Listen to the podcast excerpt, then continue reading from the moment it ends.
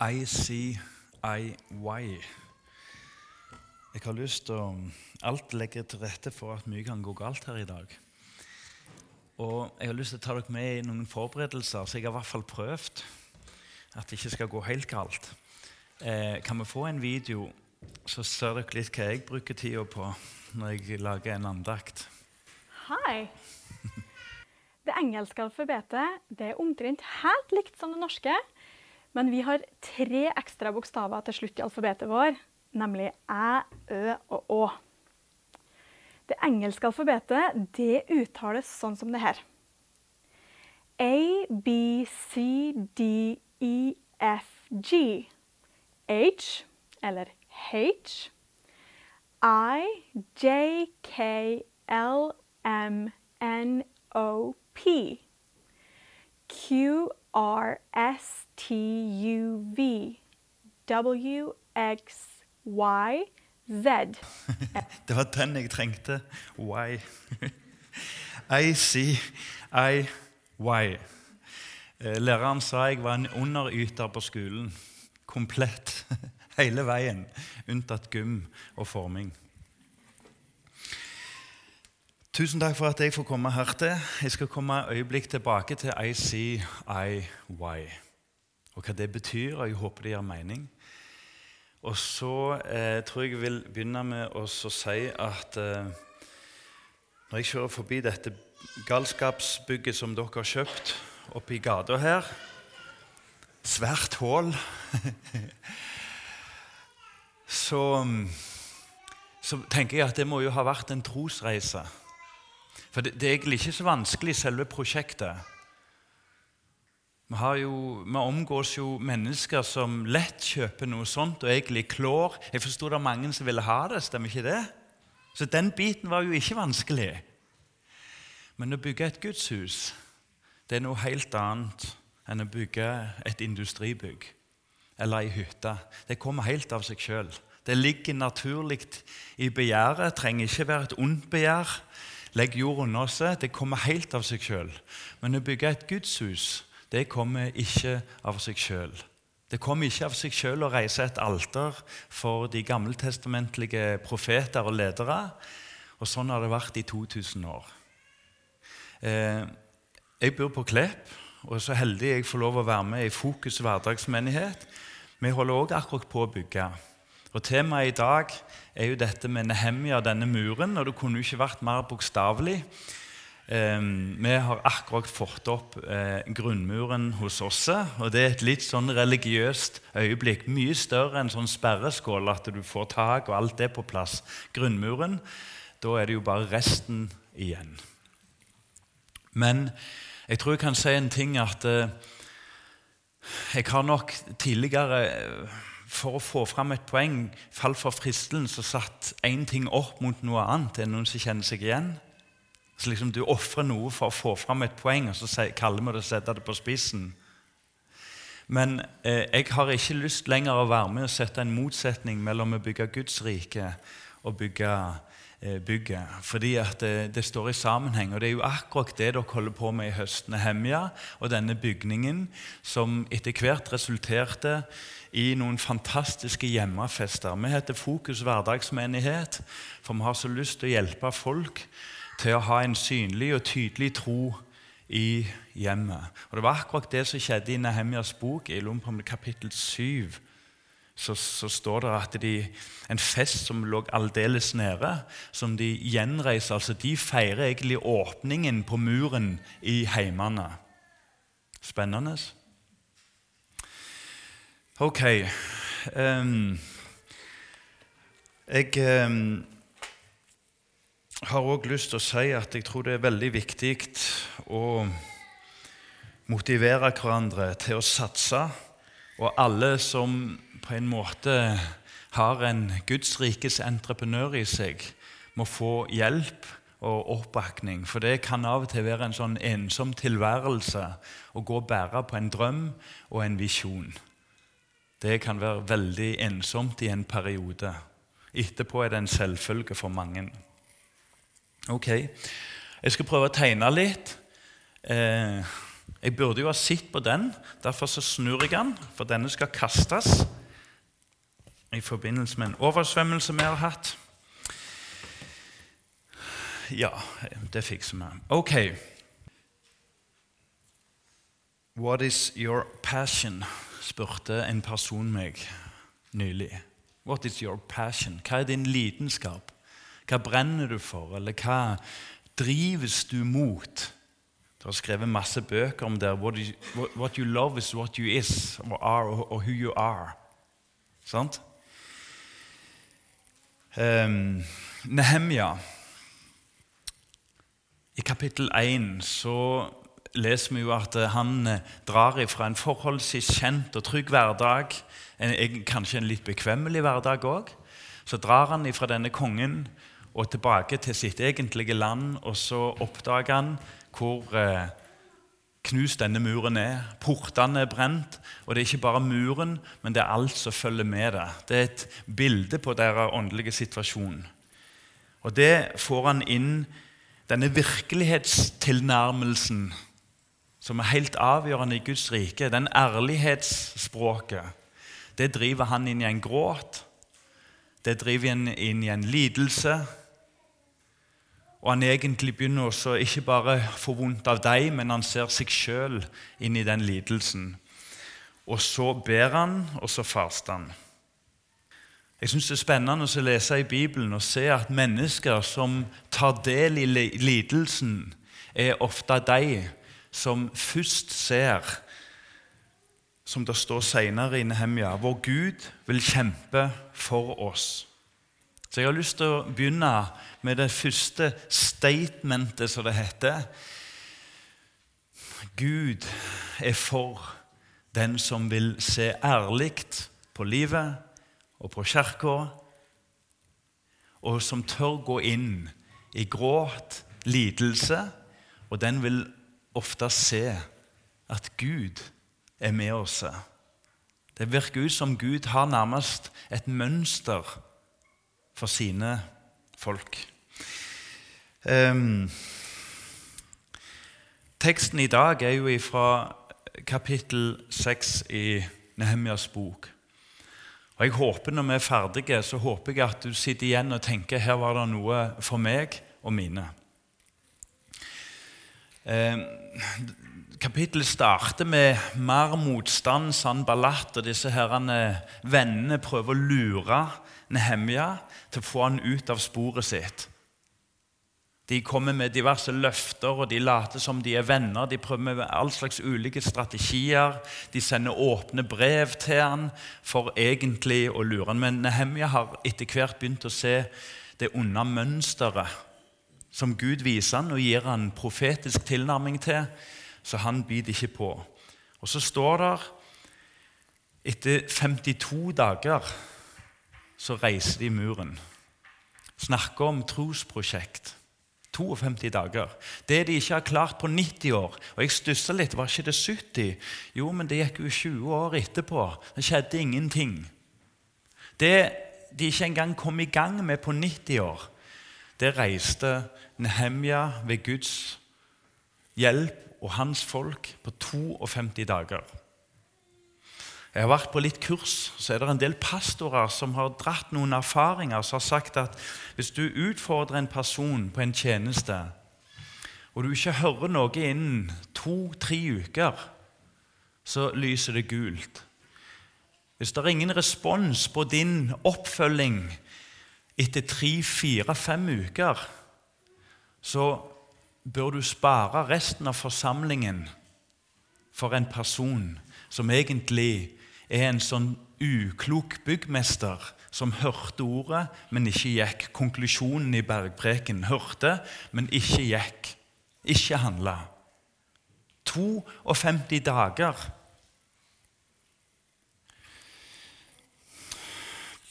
Temaet for i dag er å ikke jobbe solo, men sammen.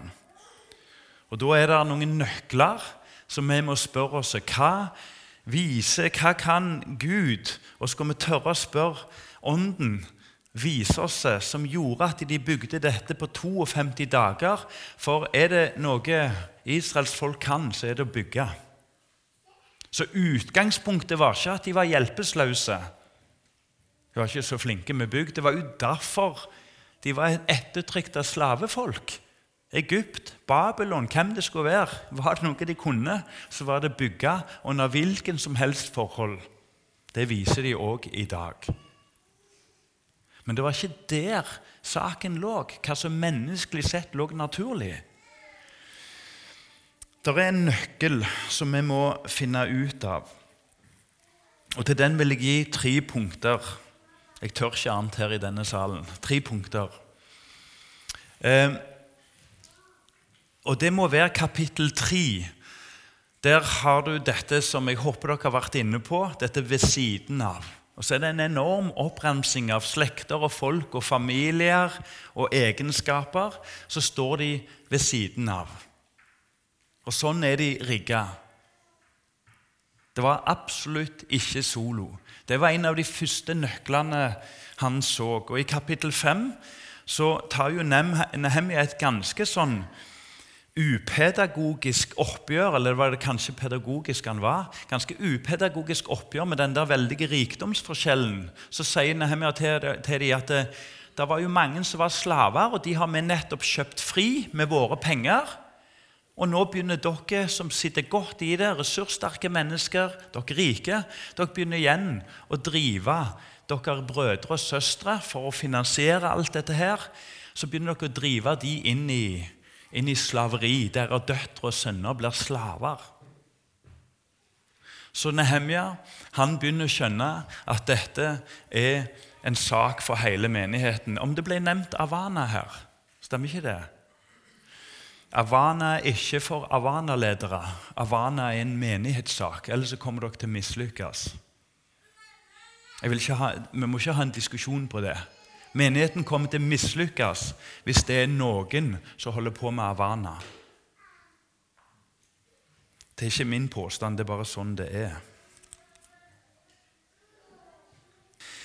Så er det litt spennende, fordi at eh, jeg har prøvd liksom å lese hvor, hvor, var, hvor var det de ble trua hen, hvor var det det gikk galt. Og egentlig så, Det var ytre trussel, det var indre trussel, men den egentlige trussel, så langt jeg kan se, egentlig retta mot dette å stå sammen.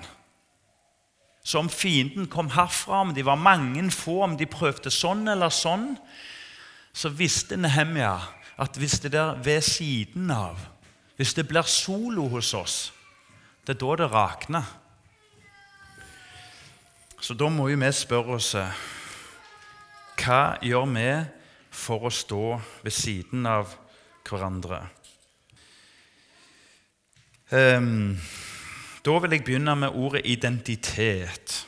Det er jo et veldig fint ord om dagen. Identitet. Det er egentlig hvem du er, og hvordan du forstår deg sjøl i forhold til deg og det som er rundt deg. Hvem du er, og hvordan du tenker om deg sjøl. Identitet. Vi kan òg si et spørsmål om identitet eller mangel på identitet. Hvis vi tenker at din og min holdning til andre kristne er stadig vekk knytta til skam, at vi skjems over andre. Og Da er det ikke din skam, men det kan egentlig være en, egentlig dypere sett en reaksjon på hvordan du ser på deg sjøl. At Gud har ikke forsatt deg fri, sånn som han gjorde med Sakkeus. Og så går du rundt og så skjems du stadig vekk av de andre troende. Står i en veldig identitetskontrast til kjærlighet og det å elske de troende. Hvis du stadig vekk er flau F.eks. på scenen over musikere, over møteledere over forbedere, og ikke minst over de du er tettest på, så står det i en identitetskontrast eh, eh, til raus og glad og jublende på andres vegne. Hvis du og jeg er avmålte, distanserte, armlengdes avstand på andre mennesker, så står det i en veldig identitetskontrast til å være en medvandrer. Å plassere seg ikke bare sympatisk, men empatisk, og gjerne med begge armer og bein midt oppi andres liv. Å ta sjansen på det. Identitet er ikke viktig. Det er helt avgjørende, òg for Nehemja. Det går på språk, og jeg skal komme tilbake til hva som skjedde litt med Nehemja og co. Men en sier at språk er viktig fordi at språk danner kultur. Og kultur er ikke det vi mener og syns. Kultur er hvordan det faktisk er. Og Det er interessant å besøke steder, for det er jo da du liksom kommer utenfra, så, så kjenner du sånn var det her. Det bør vi spørre oss. Hvordan opplevde folk å komme her? Sett fra deres kulturelle reaksjon, da. Og Det som er spennende med språk, som danner kultur, det er det at eh, for deg som er leder, i det minste i, egen, i ditt eget heim, sjøl for en som lever alene hjemme Det gjelder oss alle så er det det at kultur er det du aksepterer. Så hvis vi aksepterer det og det språket, så etter hvert så kommer de og de handlingene og den og den kulturen. Et godt språk, et bibelsk språk, gir en bibelsk kultur, og motsatt. Legg merke til hvordan de prøver å angripe i kapittel 4. Så begynner muren å ta litt form. Og så er det en som sikkert bruker et språk som på en måte bare går rett i nyra, altså. Og du siger i sammen. Den holder ikke engang en rev. Tenk deg en rev som springer på den muren. Han tåler aldri en rev engang. Har du sett en rev springer? Jeg har sett en rev springe. Han er ikke nede i bakken. Han bare flyter over terrenget. Det er det som skal til før den elendige muren detter. Og vet du det? Paulus han opplevde dette i sitt liv i andre Timoteus brev, når, når han sitter i fengsel og i hvert fall ser han noen en rettssak der han egentlig ser at nå nærmer det seg slutten, i den form for at han blir drept eller ikke klarer mer. Så skriver han til Timoteus, min sønn, så skriver han noe veldig spennende. Og Det er det at det er en kar som heter Herm Hermogenes. Hermogenes, og sier en til så jeg ikke prøver på engang. Han eh, underminerer underminere Paulus sitt kall som apostel. Og Det skinner rett gjennom i brevet at eh, han, han rett og slett skjems over Paulus.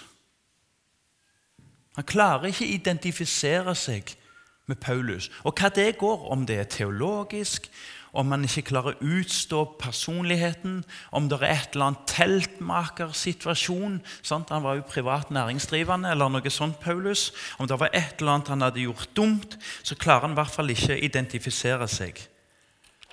Og så skriver Paulus dette må vi ta ved roten, Timoteus.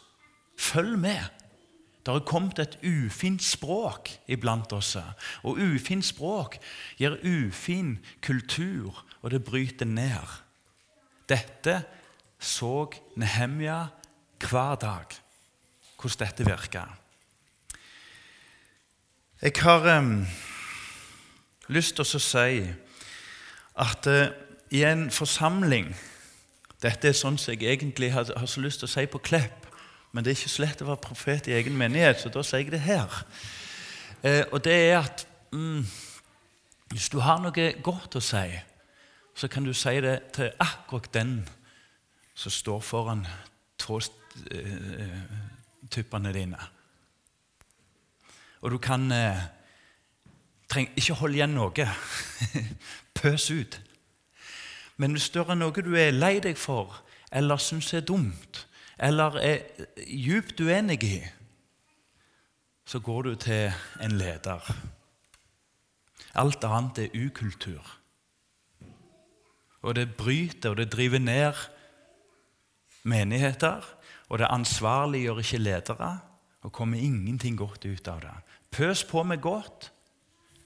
Gå rette plassen med det som er vondt. Og Da er det viktig for en leder å skape rom.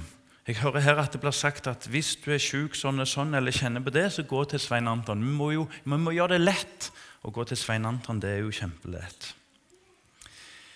Helhet. Um, Nehemia var opptatt av helhet. Det kunne sikkert vært fristende å vrake noen familier og noen grupper. Men han begynte nok i en ende. Og til slutt så, så var det hele bøtteballetten altså, som var i sving på denne muren. Det var, det var, det, det var, det var et mulder, altså. Det må være spennende å ha sett på, stått bare og iakttatt det. Og det må ha vært Jeg ser ikke noe galt i det. Det må ha vært en, en god rus for Nehemja noen små øyeblikk å se hvordan det muldrer. Og Da er vi på ordet helhet. Hvem slipper vi til? Hvem elsker vi fram? I Efesene 2, på vers 11, er det sånn et skikkelig leder- eller menighetsvers som to, Efesene 2,11, som går på noen til apostler, noen til profeter, noen til evangelist, noen til hyrde og noen til lærer. Altså disse fem tjenestene. Og Vi skal være litt forsiktige med å plassere oss veldig sterkt inn i én. For, for, meg så det, det varierer litt hva, hva, jeg ser meg sjøl som mest. Og jeg er ikke så veldig opptatt av at det skal være én ting men det er en lykke å oppdage hva du ikke er. Det er en befrielse etter hvert. Men hvis vi skriver her nå På amerikansk eller engelsk så blir det jo A, P, E og så S, T. Da blir det jo apostel, profet, evangelist, og så blir det shepherd, hyrde, og så blir det teacher. Der går det ei vesentlig linje. Der ligger det ei konfliktlinje i enhver menighet. Ser dere den? Hæ? Når dere setter dere der, så kan dere takke dere sjøl. Det står APE-ST, da. Og Det som er litt spennende med det, det er at eh, hvis vi tenker at disse her, her står litt trukket til sides oppå fjellet, og så studerer de en saueflokk. da. Hva ser de? Jeg skal nevne to ting, og jeg kjenner meg mest igjen i, i han. da. Når apostelen ser en saueflokk, så tenker han her er det mange, mange sauer som skal få oss herfra til der. Dette skal gå bra. Og så ser han nyttige, vil noen si, idioter. Men jeg vil si her er det masse gaver som skal drive Guds rike fram. Og fram skal vi. Så ser du f.eks. Shepherd, hyrden. Han vil tenke Å, mon om de har det bra. Det går litt for fort nå. Det er en som ikke har reist seg nå. Jeg tenker han kommer etter hvert.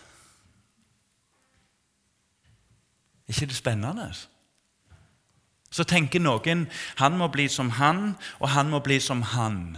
Men det er jo da det ikke blir mur.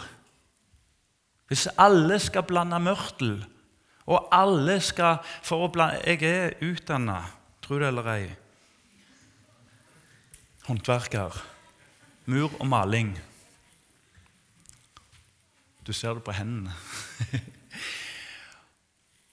Å blande mørtel er lang, lang tradisjon, lang, lang kjemisk innsikt Betong er, er svære greier. Du kan bli søkkrik på betong. Skal alle stå og blande betong? Skal alle bli flinke på det? Nehemia så noe her. At summen av disse, når de får lov å være seg sjøl Evangelisten er jo det mest irriterende som finnes. Det er, aldri, det er alltid noe annet. Det er alltid litt sånn Akkurat som jeg sitter jeg trener et fotballag med noen jenter, så er det alltid noen som kikker en annen vei. Og det gjør, det gjør, jo evangelisten, for han vet han må være der i ringen. Sant? Vi skal jo spille kampøyeblikk. Men, men, men hodet, øyne, blikket går utover. Hva skulle vi gjort uten evangelisten? Så vi blir stressa når vi ser for lenge inn i sentrum av spilleflokken. Jeg syns det er spennende altså, hvordan Nehemia klarte å drive fram alle disse gavene. Så da kan jeg si enhet jeg har ikke lagt denne sjøl. Enhet er å ikke gjøre ting likt, men å gjøre ulike ting i samme retning. Var ikke det godt sagt? Enhet er ikke å gjøre ting likt, men å gjøre ulike ting i samme retning. Ai, ai, ai. Her er det kraft. Her er det kraft. Den siste tingen jeg vil ta opp, det er Unnskyld meg, men jeg kaller det Heromaker. Jeg har vært i USA. Og skjemmes ikke av det. Og Der var jeg på et kurs som heter Heromaker. Og jeg kjente som god vestlending at uh, dette blir spennende, men hold an litt. altså, Det er ikke det vi driver med i bedehusland. Vi driver ikke med helteskaping. Gjør vi det? Men det var en fantastisk kurs når jeg begynte å få tak på hva de ville fram til. De sto, hver gang det var undervisning, så sto det regnet som malte med sånn kullstift. Den som sto foran Billy Graham. Hun som var egentlig framdriveren av moder Teresa. For sånn kan du fortsette. Wesley. Der er noen som står bak. Og jeg har lyst til å utfordre deg en ting. Hvem er din heromaker? Hvem så deg en gang? Louise og Unike de så jo Timoteus. De, de, altså Paulus så ei linje der. Ananias møtte Paulus. Er det en parentes? I Damaskus, Ananias, bare sånn for skams skyld, så gir man et navn. Hvem var Paulus uten Ananias? Hvem har sett deg i et øyeblikk? Hvem var Aslak uten Annbjørg Barane, så knapt sa han noe til meg, men så på meg med et strengt og mildt blikk? For det går an på et eller annet vis å være streng og mild i samme øyne. Har du møtt det? Og alvorlig. Og lokkende. Hun så. Det er noe der. Og så i et lite øyeblikk på Voss, jeg vet hva gate, jeg vet hva stein jeg sto på, så sier hun du må ta vare på livet ditt. Gud har noe for deg.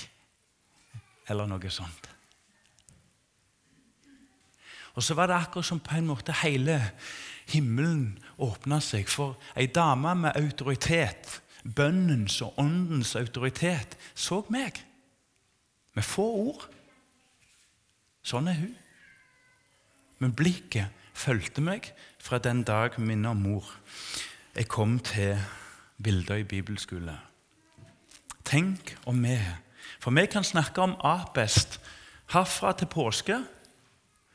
Men hvis ikke dette setter seg i forsamlingene våre, som gjør at vi blir en forsamling som leter etter den neste lederen Altså, vet du hva? Det er en åndelig opplevelse å komme og se Var de tre jenter eller fire? Eller fire, ja. Så stiller seg fram her. Og så er det ikke bare på scenen, men vi skal lete etter folk, sånn at vi blir en kraftfull forsamling. Og vet du hva? Jeg har ikke lyst for deg som står i tjeneste på ulike plan, og kjenner deg trøtt, og kjenner deg nedlassa, og så legge stein til byrden. Men jeg har så lyst at hele forsamlingen kan at, at, de som på en måte sier 'ja, jeg kan', de som tar et skritt fram og sier 'her er jeg, send meg, jeg, jeg skal lede dette' i store og små ting, at de skal vite at her er det en hel forsamling som gjør et hellig løfte om at vi skal være med og drive og lete fram nye mennesker rundt deg, sånn at du skal kjenne at det, det skal bli en vekst i Guds rike etter Hans vilje og på Hans vis. Det er et hellig oppdrag, det. Tatt ned til virkelighet. 2. Timoteus 2,2. Der kan du egentlig lese om en rekrutteringsmodell som Paulus fulgte mot Timoteus. Jeg har forkynt for deg. Du forkynner for de få som du har tillit til. Det var liksom ikke til hvem som helst sop i hop. Du må ha bønnens øyne, åndens øyne, og så må du leite. Før i tida så Vi kan le av det, men, men før i tid så Jeg har hørt at en leter etter tonen da, i sånne vitnemøter. Stemmer ikke det? En leter etter den rette tonen. Og det gikk ikke på musikk, da. Det gikk på om en kunne male Kristus, om en hadde sett seg sjøl fri i Kristus. Og Når en så noen av disse tingene, noen av disse kriteriene, så dreivs det fram store mengder forkynnere. Men vi er i forsamling. Vi skal ikke bare lete etter tonen, vi skal lete etter alle tjenester.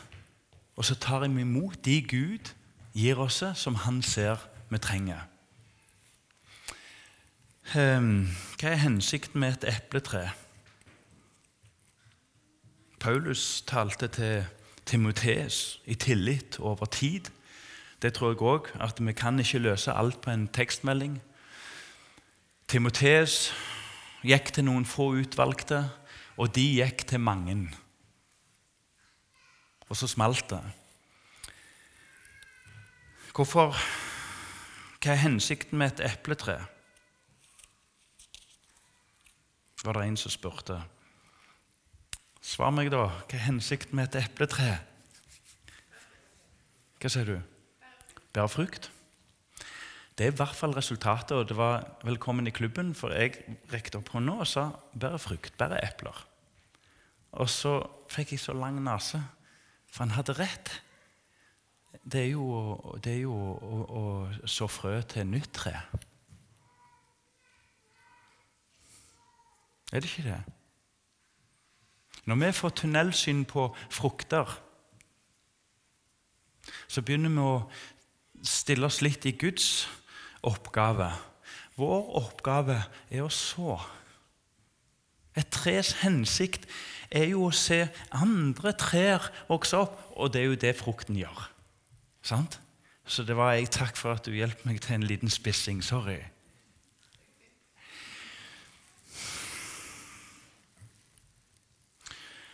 Min oppgave er ganske alvorlig den å se nådegaver forløst i Fokus hverdagsmenighet. Det er ikke å spille trommer og forkynne og lede. Du skal ikke lede alt. Du skal ikke styre alt. Men du skal være med og skape en kultur som leter etter den neste gaven. Ikke bare på scenen, men i hele Guds rike i vår hverdag. I see, I why. Du får lov å si at jeg uttalte det feil, men jeg ser i deg. I see in you.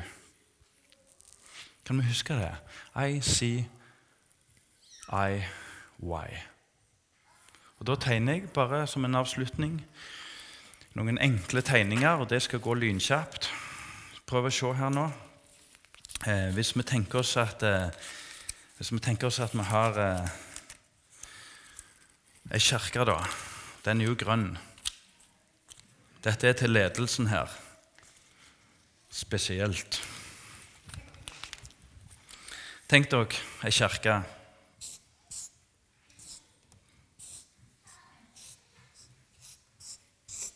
Hvorfor er hun kirke?